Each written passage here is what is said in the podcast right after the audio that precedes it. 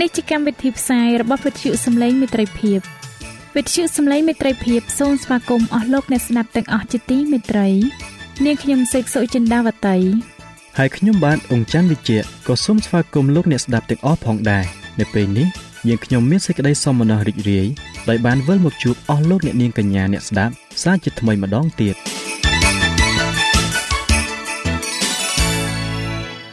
នាងខ្ញុំសេកសុចិន្តាវតី សូមជម្រាបជូនកម្មវិធីផ្សាយដែលមានជាបន្តបន្ទាប់ដូចតទៅនេតិជំហានទៅកាន់ព្រះគ្រីស្ទនេតិផ្លូវសម្រាប់ជីវិត ចា៎លោកអ្នកស្ដាប់ជាទីមេត្រី នាងខ្ញុំសូមគោរពអញ្ជើញអស់លោកលោកស្រី អ្នកនាងកញ្ញាតាមដានស្ដាប់កម្មវិធីផ្សាយរបស់វិទ្យុយើងខ្ញុំដូចតទៅ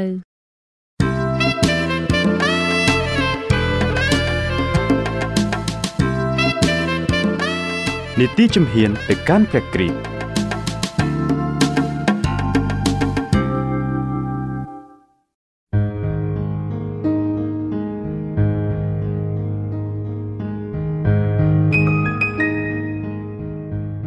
ចា៎នេះខ្ញុំសិកសុចិនាវតីសូមជម្រាបសួរអស់លោកលោកស្រីអ្នកនាងកញ្ញានិងប្រិយមិត្តជាទីមេត្រី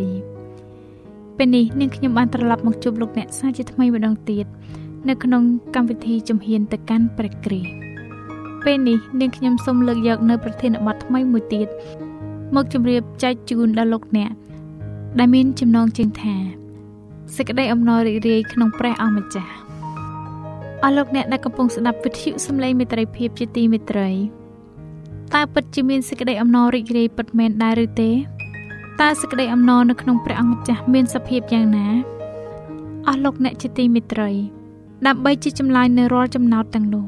ដូច្នេះ សូមអញ្ជើញលោកអ្នកចូលរួមស្ដាប់ជាមួយនឹងនាងខ្ញុំដូចតទៅអស់លោកអ្នកដែលកំពុងស្ដាប់វិទ្យុសំឡេងមេត្រីភាពជាទីមេត្រីព្រះអង្គម្ចាស់បានដង្ហែហៅរាជរបស់ទ្រង់ឲ្យធ្វើជាតំណាងរបស់ព្រះគ្រីស្ទដើម្បីនឹងធ្វើជាសេចក្តីបន្ទាល់អំពីសេចក្តីល្អនិងសេចក្តីអាណិតមេត្តារបស់ព្រះយេហូវ៉ាដល់មនុស្សគ្រប់គ្រប់គ្នានៅលើលោកីនេះដោយដែលព្រះគ្រីស្ទបានបើកសម្ដែងឲ្យឃើញនៅអត្តចរិតដ៏ពិតប្រាកដនៃព្រះវរបិតា ដូច្នេះយើងត្រូវតែបង្ហាញព្រះគ្រីស្ទទៅកាន់ដល់អស់មនុស្សទាំងឡាយដែលមិនទាន់ស្គាល់នៅសេចក្តីស្រឡាញ់ដ៏ស្រទន់និងការសន្តោសរបស់ទ្រង់ផងដែរព្រះគ្រីស្ទមានព្រះបន្ទូលនៅក្នុងព្រះគម្ពីរយូហានចំពុក17ខ18ថា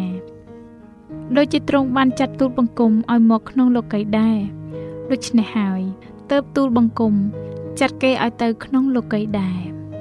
ហើយនៅក្នុងព្រះគម្ពីរយូហានចំពុក17ខ23ក៏បានចែងទៀតថា គឺទូលបង្គំនៅក្នុងគេ ហើយទ្រង់ក៏នៅក្នុងទូលបង្គំ ប្រយោជន៍ឲ្យលោកីបានដឹងថា គឺទ្រង់ដែលចាត់ឲ្យទូលបង្គំមក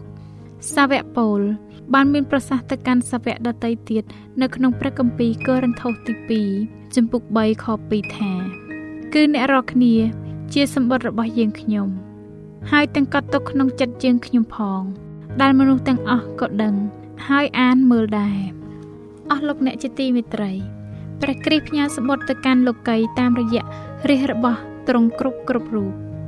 ប្រសិនបើអ្នកជាអ្នកដើរតាមព្រះគ្រីស្ទពិតប្រាកដមែន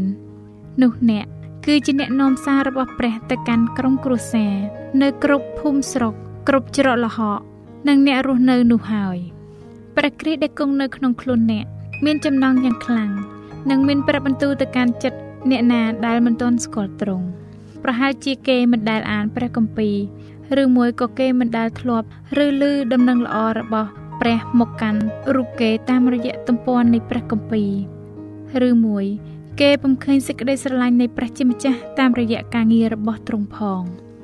ប្រសិនបើអ្នកជាអ្នកតំណាងរបស់ព្រះគ្រីស្ទពិតប្រាកដមែននោះ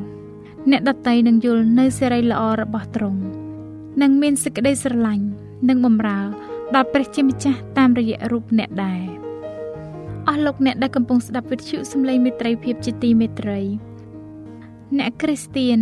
គឺជាអ្នកដែលកាន់ពន្លឺប្រទីបបំភ្លឺផ្លូវទៅឯស្ថានសួគ៌គេត្រូវតែបង្ហាញទៅដល់លោកីនៅពន្លឺដែលចេញអំពីព្រះគ្រីស្ទជីវិតនិងអត្តចរិតរបស់ពួកគេ តែងតែជាគំរូដល់អ្នកដទៃ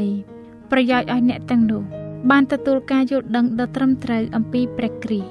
និងកិច្ចការរបស់ព្រះអង្គមាសាតាំងអបអរក្រៃលែងនៅពេលដែលវា អាចដឹកនាំកូនចៅរបស់ព្រះចូលទៅក្នុងភាពគ្មានជំនឿនិងភាពបាក់ទឹកចិត្តវាសប្បាយរីករាយណាស់ដោយឃើញយើង មិនទុកចិត្តនឹងព្រះជាម្ចាស់ហើយបែរជាមានសេចក្តីមន្ទិលសង្ស័យអំពីព្រះរាជបំណងនិងព្រះចេស្តារបស់ទ្រង់នៅក្នុងផែនការសង្គ្រោះយើងទៅវិញនោះ វាពេញចិត្តក្នុងការធ្វើឲ្យយើងទទួលបានអារម្មណ៍ថាព្រះជាម្ចាស់នឹងធ្វើឲ្យមានគ្រោះថ្នាក់ដល់រូបយើងដោយសារតែទឹកបញ្ញាណរបស់ទ្រង់នេះគឺជាការងាររបស់មាសាតាំងហើយដែលបង្ហាញឲ្យគេឃើញថាព្រះជាម្ចាស់បែបដូចជាខ្វះនៅធម៌មេត្តា និងសេចក្តីអាណិតអាសូរវាខំបំភ្លៃនៅសច្ចធម៌ដែលតេតិនទៅនឹងព្រះជាម្ចាស់វាបំពេញអារម្មណ៍នៅការស្រមើលស្រមៃនិងអារម្មណ៍ មិនពិតដែលតេតងនឹងព្រះជាម្ចាស់ហើយដោយមិនតាំងលើសច្ចធម៌របស់ព្រះជាម្ចាស់នោះយើងបែរជាផ្ចង់អារម្មណ៍របស់យើង លើការបង្ហាញខុសរបស់មាសសាតាំងហើយបែរមកបង្អាប់បង្អោនព្រះជាម្ចាស់ដោយការមិនទុកចិត្តត្រង់ព្រមទាំងខ្សឹបខ្សៀវប្រឆាំងនឹងត្រង់ទៅវិញថែមទៀតផងអស់លោកអ្នកជាទីមេត្រី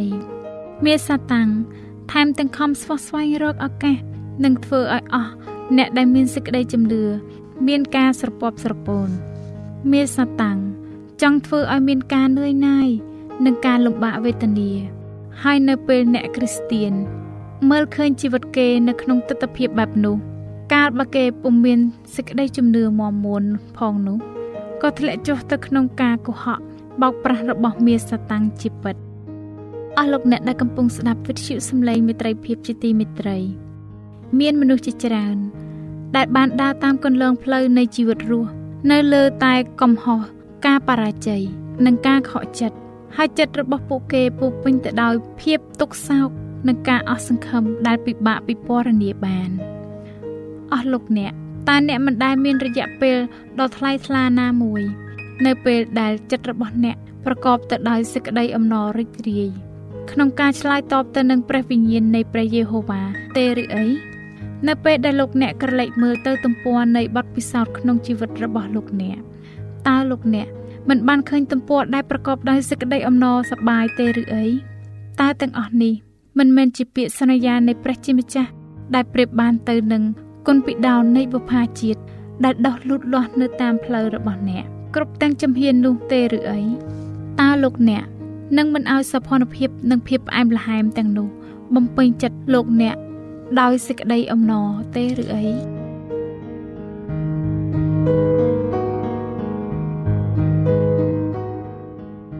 ចា៎ដោយពេលវេលាមានកំណត់ យើងខ្ញុំសូមផ្អាកនេតិជំហានទៅកាន់ព្រះគ្រីស្ទនេះត្រឹមតែប៉ុណ្ណេះសិនចុះដោយសន្យាថានឹងលើកយកនេតិនេះមកជម្រាបជូនជាបន្តទៀតនៅថ្ងៃអង្គារសប្តាហ៍ក្រោយ សូមអរគុណ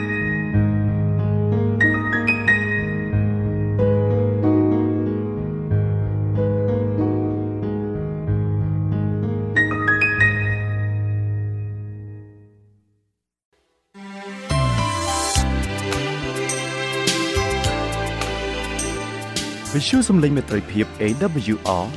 ជាវិទ្យុដែលនាំមកពីក្នុងការនាំព្រះរាជសាររបស់ព្រះជាម្ចាស់សម្រាប់លោកអ្នក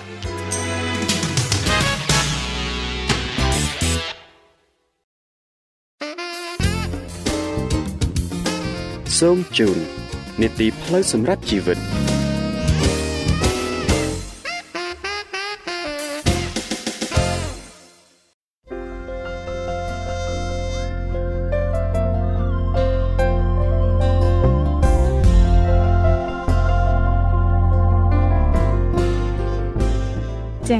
លោកអ្នកស្ដាប់ជាទីមេត្រី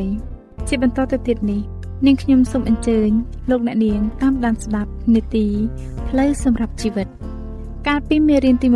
23លោកអ្នកបានស្ដាប់រួចមកហើយអំពីព្រះវិញ្ញាណបរិសុទ្ធនិងអំពើបាប ដែលព្រះពុំអាចអត់ទោសឲ្យបាន ហើយនៅថ្ងៃនេះ លោកអ្នកនឹងបានស្ដាប់មេរៀនថ្មីមួយទៀតដែលមានចំណងជើងថាហេតុអ្វីបានជាយើងត្រូវរួបរวมគ្នាជាក្រុមជំនុំ នៅពេលយើងបានទទួលព្រះយេស៊ូវហើយយើងមិនត្រូវថ្វាយបង្គំនៅតាមផ្ទះតាមគ្រួសាររៀងខ្លួនទេ គឺយើងត្រូវចូលរួមគ្នាជាក្រុមជំនុំការនេះព្រះយេស៊ូវក៏បានធ្វើជាគំរូទុកឲ្យយើង នៅក្នុងព្រះគម្ពីរលូកាជំពូក4ខ16ដែលបានចែងថារួចទ្រង់យាងមកដល់ណាសារ៉េតជាស្រុកដែលទ្រង់គង់នៅពីកុមារក៏ចូលទៅក្នុងសាលាប្រជុំនៅថ្ងៃឈប់សម្រាកតាមទម្លាប់ទ្រង់ ហើយឈរឡើង ដើម្បីអានមើលគម្ពីរតើការចូលរួមជាក្រុមជំនុំមានផលប្រយោជន៍អ្វីខ្លះចា៎ដើម្បីឲ្យលោកអ្នកនាងកាន់តែយល់ច្បាស់ថែមទៀតពីមេរៀននេះនាងខ្ញុំសូមគោរពអញ្ជើញលោកអ្នកនាង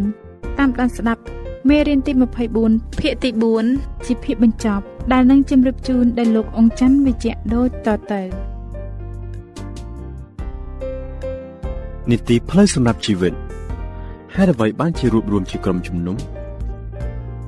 សូមក្រឡេកមកមើលការស្វែងរកនៅក្រុមជំនុំពិតប្រាកដវិញម្ដងខាងក្រោមនេះជាសេចក្តីដកស្រង់ចេញពីព្រះគម្ពីរខ្លះៗដែលបង្រៀនឲ្យយើងឃើញអំពីក្រុមជំនុំពិតប្រាកដនៅថ្ងៃចុងក្រោយបើសិនជាអ្នកបានរកឃើញក្រុមជំនុំណាដែលបានបង្រៀនពីសេចក្តីពិតដ៏ធំធេងនេះអ្នកគួរតែធ្វើបន់ជ្រមុជទឹកហើយចូលរួមជាសមាជិកក្រុមជំនុំនោះទៅសូមអ្នកកុំជៀសចាញ់ឲ្យសោះសូមកុំធ្វើតាមតែសេចក្តីនិយាយរបស់មនុស្ស តែសូមទទួលដើរតាមសេចក្តីបង្រៀនរបស់ព្រះគម្ពីរវិញសំណួរសួរថាតើខ្ញុំទៅរកក្រុមជំនុំពិតប្រាកដនៅទីណាចម្លើយទី1គឺសូមស្វែងរកក្រុមជំនុំណាដែលមានសមាជិកជឿថាព្រះគម្ពីរជាព្រះបន្ទូលព្រះហើយសេចក្តីប៉ុន្មានក្នុងបទគម្ពីរជាសេចក្តីបង្ហាញទាំងស្រុង នៃព្រះハរតីព្រះចំពោះមនុស្សទាំងក្នុងសញ្ញាចាស់ទាំងក្នុងសញ្ញាថ្មីហើយដែលជាគ្រឹះវិន័យដ៏កម្ពស់នៃជំនឿនិងការប្រតិបត្តិសូមចំណាយពេលអាននៅព្រះគម្ពីរធីម៉ូថេទី2ចំពុក3ខ15រហូតដល់ខ17ព្រះគម្ពីរពេត្រុសទី2ចំពុក1ខ20និងខ21ហើយនឹងព្រះគម្ពីរយូហានចំពុក5ខ39រហូតដល់ខ47ចម្លើយទី2គឺ សូមរកក្រុមជំនុំណាមួយដែលប្រកាសថាព្រះបង្កើតលោក ហើយជាព្រះវរបិតានៃសេចក្តីស្រឡាញ់ពេញទៅដោយការចេះដឹងពេញទៅដោយអំណាចនិងល្អគ្មានខុសអ្វីទាំងអស់ដើម្បីជាអំណាចអំណាចសូមលោកអ្នកអានព្រះគម្ពីរលោកុបានជំពូក1ខ1រហូតដល់ខ27ព្រះគម្ពីរវិវរណៈជំពូក22ខ18និងខ19ហើយនឹងព្រះគម្ពីរអេពីសូតជំពូក4ខ6ចម្លើយទី3 ក្រុមជំនុំពិតប្រកបបានលើកដំកើងព្រះគ្រីស្ទថាជាផ្លូវជាសេចក្តីពិតនិងជាជីវិតហើយជាព្រះសង្គ្រោះដែលមានហារតីអាណិតអាសូរដល់មនុស្សជាតិពួកគេនៅតែប្រកាន់ជំនឿទៅលើកំណើតអស្ចារ្យនៃព្រះអង្គនិងបដិហាដ៏អស្ចារ្យការបូជាជីវិតរបស់ទ្រង់ការរស់ឡើងវិញពីសេចក្តីស្លាប់របស់ទ្រង់ហើយជឿទៅលើថ្ងៃដ៏អស្ចារ្យដែលព្រះអង្គយាងមកវិញក្នុងសេរីល្អរបស់ទ្រង់ ដើម្បីជាអំណះអំណាងសូមលោកអ្នកបានអាននៅព្រះគម្ពីរយូហានជំពូក1ខ1រហូតដល់ខ13និងជំពូក14ខ6ព្រះគម្ពីរហេព្រើរជំពូក1ខ1រហូតដល់ខ4ព្រះគម្ពីរហេព្រើរជំពូក19ខ26ចម្លើយទី4កូនចៅពិតប្រកបរបស់ព្រះ គឺជាអ្នកដែលជឿទៅលើព្រះវរបិតាព្រះរាជបុត្រាដែលជាព្រះអង្គយេស៊ូវគ្រីស្ទហើយនឹងព្រះវិញ្ញាណបរិសុទ្ធ ដែលតំណាងឲ្យព្រះយេស៊ូវគ្រីស្ទនិងជាអ្នកថ្នាក់ថ្នមដល់អ្នកជឿព្រះដើម្បីឲ្យបានកាន់តែយល់ច្បាស់សូមមេត្តាអាននៅព្រះគម្ពីរម៉ាថាយជំពូក28ខ18និងខ19ព្រះគម្ពីរយូហានជំពូក14ខ19រហូតដល់ខ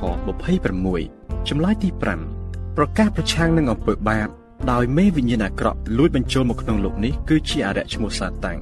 ដែលជាមេខ្លោងនៃអំពើបាប ហើយសម្គាល់ថាសេចក្តីស្លាប់នៃព្រះយេស៊ូវជាឱសថសម្រាប់ព្យាបាលអំពើបាបក្រុមជំនុំពិតប្រកបគឺប្រកាសប្រឆាំងយ៉ាងដាច់អហង្ការចំពោះអំពើបាបដែលបង្កឡើងដោយមេវិញ្ញាណអាក្រក់ដែលលួចបញ្ចូលមកក្នុងលោកីយ៍នេះគឺជាអរិយឈ្មោះថាសាតាំងដែលជាមេខ្លោងនៃអំពើបាបហើយសូមសម្គាល់ថាសេចក្តីស្លាប់នៃព្រះយេស៊ូវគឺជាឱសថតែមួយគត់សម្រាប់ព្យាបាលអំពើបាបដើម្បីឲ្យមានប្រៀបលើអរិយសាតាំង លោកអ្នកមិនទៅចោះចូលផ្លូវនៃអំពើបាបសោះឡើយហើយប្រែចិត្តដែលហៅថាកើតម្ដងទៀតឬក៏កើតសាជាថ្មីហើយផ្លាស់ប្ដូរចរិតមាយាទទាំងស្រុងដោយទទួលយកព្រះយេស៊ូវគ្រីស្ទជាព្រះអង្គសង្គ្រោះដើម្បីឲ្យបានរួចផុតពីអំពើបាបសូមមេត្តាអានបន្ថែមនៅព្រះគម្ពីរយូហានជំពូក8ខ44ព្រះគម្ពីរកិច្ចការជំពូក2ខ38និងព្រះគម្ពីរកិច្ចការជំពូក4ខ10រហូតដល់ខ12 ចម្លើយទី6ក្រុមជំនុំពិតប្រកបគឺធ្វើតាមការកែប្រែចិត្តនិងការអត់ទោសបាបបរិស័ទទាំងឡាយហើយនឹងចូលទៅក្នុងក្រុមជំនុំតាមមាត់ទ្វារនៃពិធីបុណ្យជ្រំបុជទឹក តាមរបៀបនេះមានន័យថាត្រូវមានជំនឿទៅលើសេចក្តីស្លាប់ពិធីបញ្ចុះសពនិងការរស់ឡើងវិញនៃព្រះយេស៊ូវពិធីបន់ជ្រមុជទឹកតាមសញ្ញាថ្មីគឺជាជ្រមុជខ្លួនមនុស្សទៅក្រោមផ្ទៃទឹក ដែលតំណាងឲ្យសេចក្តីស្លាប់នៃអំពើបាបក្នុងលោកនិងការរស់ឡើងវិញដើម្បីនឹងដើរក្នុងជីវិតថ្មីដោយព្រះវិញ្ញាណសូមអានបន្ថែមនៅព្រះគម្ពីររ៉ូមជំពូក6ខ1រហូតដល់ខ6និងព្រះគម្ពីរកិច្ចការជំពូក8ខ35ដល់ខ37ចម្លើយទី7ក្រុមជំនុំពិតប្រាកដបានលើកដំកើងបទបញ្ញត្តិព្រះដែលមានបន្ទូលដោយសម្លេងព្រះនៅលើភ្នំស៊ីណាយហើយសរសេរដោយម្រាមរបស់ព្រះអង្គផ្ទាល់នៅលើផ្ទាំងថ្មដែរ គឺជាបទបញ្ញត្តិទាំង10ប្រការហើយបទបញ្ញត្តិទាំង10ប្រការនេះស្ថិតនៅជារៀងរហូតមិនផ្លាស់ប្ដូរសិលធម៌នៃសកលលោកនោះឡើយបទបញ្ញត្តិទាំងនេះពុំអាចកាន់ខ្ជាប់បានដោយសារមនុស្សជាតិទេបើសិនជាបុគ្គលណាគ្មានព្រះគ្រីស្ទស្ថិតនៅក្នុងខ្លួន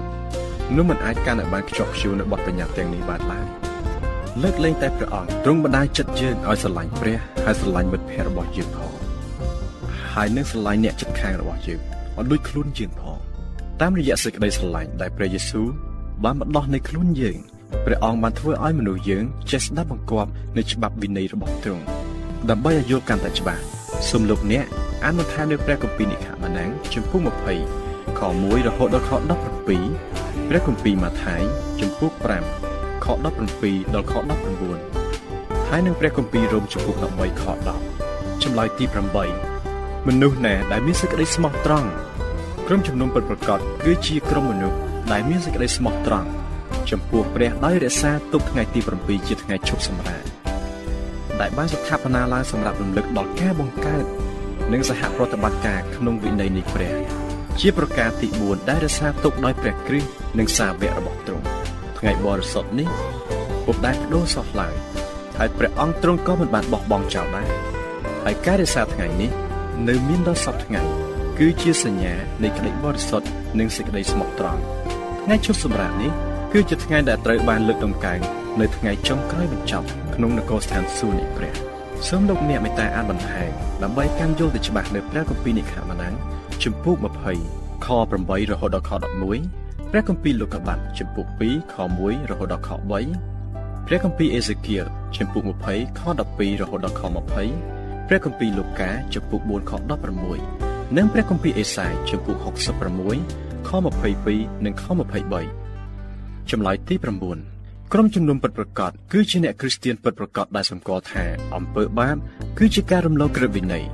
ហើយថាឈ្នួលនៃអំពើបាបគឺជាសេចក្តីស្លាប់ហើយនឹងគ្មានអ្នកណាម្នាក់អាចរក្សាក្រឹតវិន័យនេះដោយកម្លាំងខ្លួនផ្ទាល់បានឡើយតែព្រះគ្រីស្ទបានសន្យាជាមួយយើងថានឹងលើកដំកើងយើងដោយសារការសន្តិដ្ឋក្នុងខ្លួនយើង តាមរយៈព្រះវិញ្ញាណបរិសុទ្ធដែលអាចធ្វើឲ្យយើងរស់នៅបានដើម្បីព្រះអង្គទ្រង់យាងមកសង្គ្រោះឲ្យផុតពីអំពើបាបដំណឹងល្អបានក្លាយទៅជាអំណាចនៃព្រះឈ្មោះទៅរកសេចក្តីសង្គ្រោះដល់អស់អ្នកណាដែលបានជឿលើព្រះអង្គព្រោះរបស់ណាដែលអ្នកនោះស្អប់គឺគាត់ស្រឡាញ់វិញគាត់ជាមនុស្សថ្មី ហើយរសារការបដូរដ៏អស្ចារ្យនេះគ្រប់ទាំងកិត្តិយសនិងសេចក្តីសរសើរបានទៅជារបស់ផងព្រះគ្រីស្ទវិញសមាសបន្ថែមនៃព្រះគម្ពីរយូហាន ទី1ចំពុក3ខ4ព្រះគម្ពីរអេពីសូចំពុក2ខ8រហូតដល់ខ10ព្រះគម្ពីររ៉ូមចំពុក1ខ16ព្រះគម្ពីររ៉ូមជំពូក5ខ8រហូតដល់ខ16ព្រះគម្ពីររ៉ូមជំពូក6ខ23ព្រះគម្ពីររ៉ូមជំពូក8ខ1រហូតដល់ខ4និងព្រះគម្ពីរកាឡាទីជំពូក2ខ20ចម្លើយទី10ការត្រឡប់តាមការបង្រៀនដែលថាមនុស្សស្លាប់ដេកលក់ ដោយបណ្ដឹងខ្លួននៅក្នុងភ្នោក្រុមជំនុំពិតប្រកបគឺជាក្រុមមនុស្សដែលជឿទៅលើការបង្រៀនរបស់ព្រះយេស៊ូវដែលថាមនុស្សស្លាប់គឺដេកលក់ដោយមិនដឹងខ្លួននៅក្នុងភ្នំឯជីវិតអស់កលគឺជាព្រះអំណោយទានតាមរយៈសេរីគឺជាព្រះអំណោយទានដែលយើងទទួលបានដោយសេរីតាមរយៈសេចក្តីជំនឿលើព្រះអង្គយេស៊ូវគ្រីស្ទហើយដែលមនុស្សល្អនឹងត្រូវរស់ឡើងវិញនៅពេលដែលព្រះយេស៊ូវយាងមកជាលើកទី2រួចហើយត្រូវលើកទៅនគរឋានសួគ៌ជាមួយនឹងមនុស្សសុចរិតដទៃទៀត ហើយរស់នៅនាវេលានោះសេចក្តីស្លាប់នឹងមិនកើតមានឡើងដល់មនុស្សសុចរិតទៀតឡើយបន្ទាប់ពីការយាងមកវិញរបស់ព្រះអង្គជាលើកទី2សូមអាននៅអំណះអំណាងបន្ថែមតាមរយៈព្រះគម្ពីរសាស្តាចំពុក9ខ5រហូតដល់ខ6ព្រះគម្ពីររ៉ូមចំពុក6ខ23ព្រះគម្ពីរកូរិនថូសទី1ចំពុក15ខ51រហូតដល់ខ55ចម្លើយទី11ព្រះគម្ពីរប៊ីបបានរៀបចំផែនការស្ដីពីផ្នែកហិរញ្ញវត្ថុក្នុងព្រះវិហារ ដែលមានព្រះទ្រង់ជាម្ចាស់និងមនុស្សជាអ្នកបម្រើទ្រង់ជាការថ្វាយដង្វាយ1ភាគ10ចំពោះព្រះដោយសារសមាជិកនៃក្រុមជំនុំព្រមទាំងដង្វាយផ្សេងផ្សេងទៀតគឺសម្រាប់ជួយដល់ការផ្សាយដំណឹងល្អនិងកិច្ចការព្រះអង្គម្ចាស់ដទៃទៀតក្នុងព្រះវិហារសូមអានបន្ថែមដើម្បីជាអំណះអំណាងតាមរយៈព្រះគម្ពីរម៉ាថាយជំពូក23ខ23ព្រះគម្ពីរម៉ាឡាគីជំពូក3ខ8រហូតដល់ខ10ព្រះគម្ពីរលេវីវិន័យ ជំពូក27ខ30រហូតដល់ខ32ចម្លើយទី12អ្នកគ្រីស្ទានម្នាក់ម្នាក់ត្រូវទុករូបកាយខ្លួនជាវិហារនៃព្រះដ៏មានព្រះជន្មរស់នៅហើយរក្សាកុំឲ្យត្រូវខ្សោយបំផ្លាញបង្ខូចរូបកាយនោះឡើយពលគឺអ្នកគ្រីស្ទានត្រូវជៀសវាងពីការប្រើគ្រឿងស្រវឹងគ្រឿងញៀន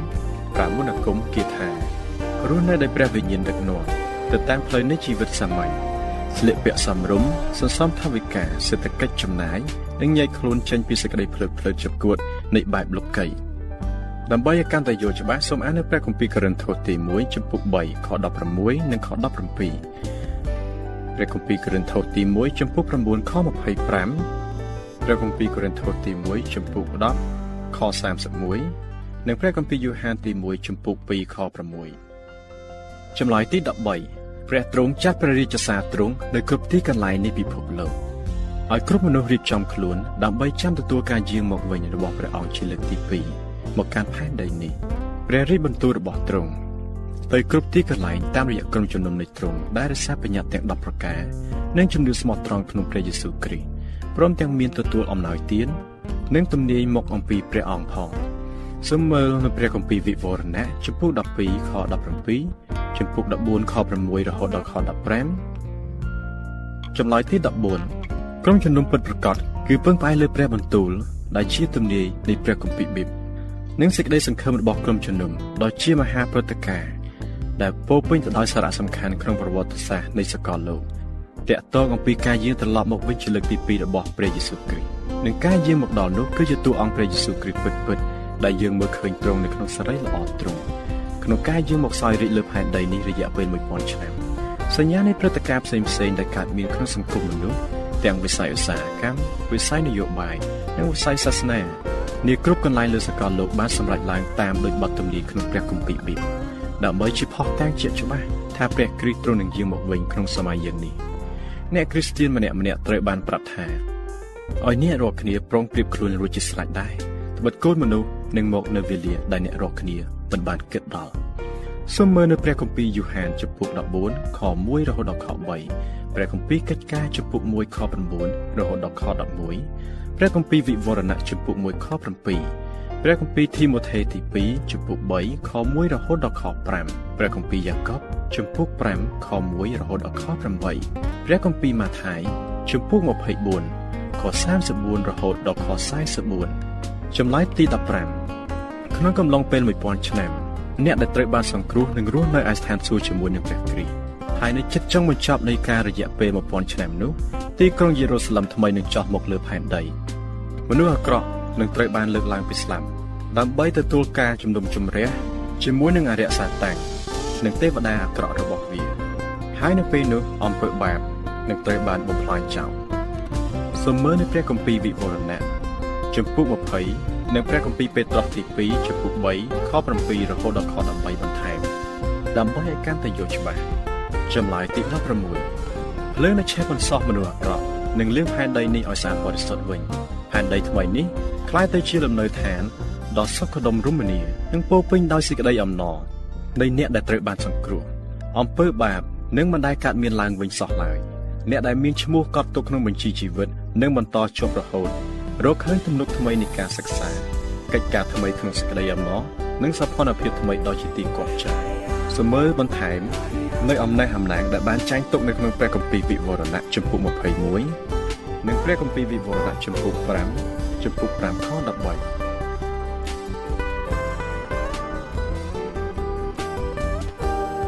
ចា៎បងប្អូនប្រិយមិត្តអ្នកស្ដាប់ជាទីមេត្រី ដោយពេលវេលាមានកំណត់ យើងខ្ញុំសូមផ្អាកនីតិផ្លូវសម្រាប់ជីវិតនេះត្រឹមតែប៉ុណ្ណេះសិនចុះដោយសន្យាថានឹងលើកយកនីតិនេះមកជម្រាបជូនជាបន្តទៅទៀតនៅថ្ងៃពុធសប្តាហ៍ក្រោយសូមអរ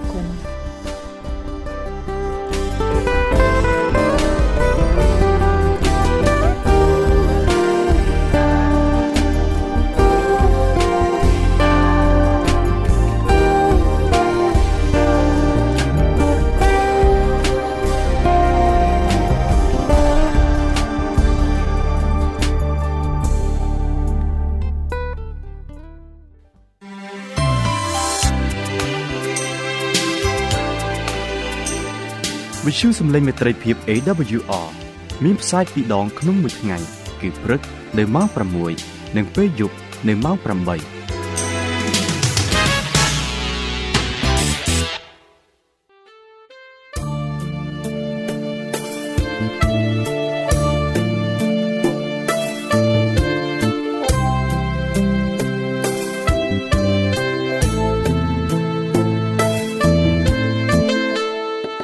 ជាលោកអ្នកមានសំណួរ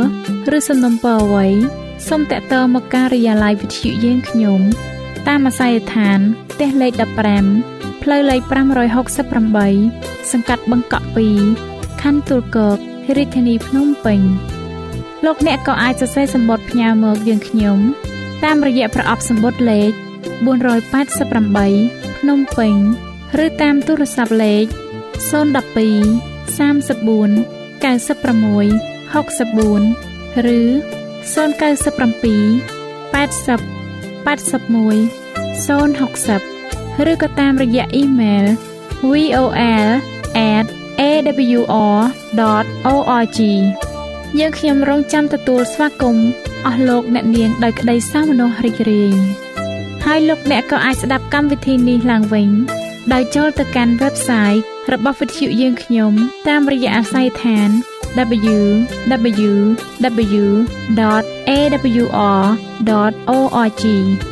លោកអ្នកនាងកញ្ញាជាទីមេត្រី កម្មវិធីផ្សាយរបស់វិទ្យុសំឡេងមេត្រីភាពនៅពេលនេះសូមបញ្ចប់តែប៉ុណ្ណេះយើងខ្ញុំសូមអរគុណចំពោះការតាមដានស្ដាប់របស់អស់លោកអ្នកតាំងពីដើមរហូតដល់ចប់យើងខ្ញុំសូមជូនពរឲ្យអស់លោកអ្នកនាងកញ្ញាទាំងអស់